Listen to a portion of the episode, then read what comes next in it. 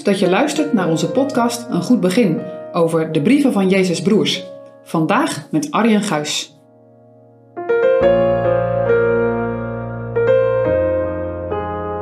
Deze week staan we stil bij het geloof waar Jacobus over schrijft in zijn brief. Het geloof werkt, anders is het dood. Vandaag is het thema geloof zonder de werken. En we lezen Jacobus 2, vers 14 tot en met 17.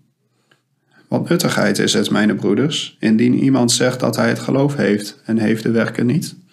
Kan dat geloof hem zalig maken? Indien er nu een broeder of zuster naakt zouden zijn en gebrek zouden hebben van dagelijks voedsel, en iemand van u zou tot hen zeggen: Ga heen in vrede, word warm, word verzadigd. En gij lieden zoudt hun niet geven de noodruftigheden des lichaams. Wat nuttigheid is dat? Alzo ook het geloof. Indien het de werken niet heeft, is bij zichzelf dood. Vorige week hebben we nagedacht over horen en doen. In mijn Bijbel staat dat ook als kopje boven Jacobus 1, vers 19. Daar komt Jacobus, de broer van Jezus, nu op terug. Hij gebruikt daar nu andere woorden voor. Horen en doen is nu geloven en werken. Jacobus stelt jou een belangrijke vraag. Wat heb je eraan dat je jouw Bijbel gelooft? Wat levert je dat op? Waarom is het nuttig, zinvol? Jacobus koppelt dat geloven aan werken. Het hoort bij elkaar als een Siamese tweeling. Het is met elkaar vergroeid. Waarom is geloof en werken voor Jacobus zo'n belangrijk thema? Even wat context over Jacobus. In de introductie op deze podcastserie heb ik al iets over hem verteld. Dus luister de intro als je die gemist hebt. Vorige week hoorde ik een preek over 1 Korinthe 15 vers 7. Daarna is hij gezien van Jacobus. De halfbroers van Jezus geloofden niet in hun oudste broer. Maria en Jozef zullen hen veel verteld hebben. De halfbroers waren wellicht heel betrokken en godsdienstig, maar ze geloofden niet dat hun oudste broer de Christus was.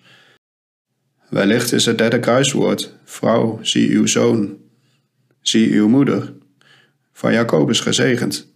Hij werd als oudste halfbroer gepasseerd. De apostel Johannes nam Maria in huis. Aan de gemeente in Korinthe schrijft Paulus dus over Pasen en de verschijningen van Jezus.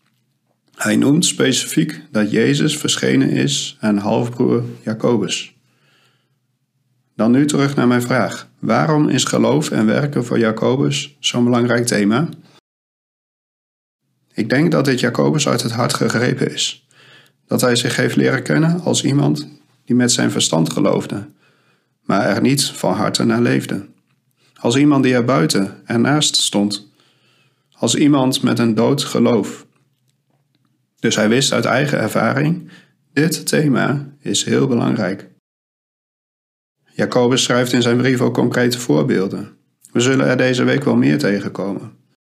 In het gedeelte van vandaag heeft Jacobus het over arme familieleden of vrienden die geen kleding of geen eten hebben. Wat heeft het voor zin om tegen zo iemand te zeggen: Je moet wat meer kleren aantrekken? En joh, je moet ook goed eten hoor. Je voelt wel aan, als je dat zegt zonder de daad bij het woord te voegen en kleding en eten te geven, is dat nou liefde? Je woorden zijn waardeloos. Uit niets blijkt dat je mooie woorden oprecht en liefdevol zijn. Je moet dus doen wat je zegt. Zo is het ook met dood geloof, zegt Jacobus.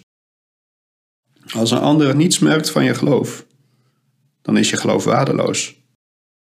Een levend geloof heeft gevolgen, wordt zichtbaar in hoe je met andere mensen omgaat. Ben je zalig als je zegt dat je gelooft, maar niemand die het ziet en merkt? Dat is de vraag die Jacobus hier stelt. Kijk maar in vers 14. Maar hoe zit dat dan? Want het geloof hangt toch niet van ons werken af? Nee, inderdaad. Zoals vuur warmte geeft, zo is het vanzelfsprekend dat geloof ook zichtbaar wordt. Jacobus laat je opnieuw in de spiegel kijken. Is jouw geloof levend werkzaam? Of is jouw geloof dood?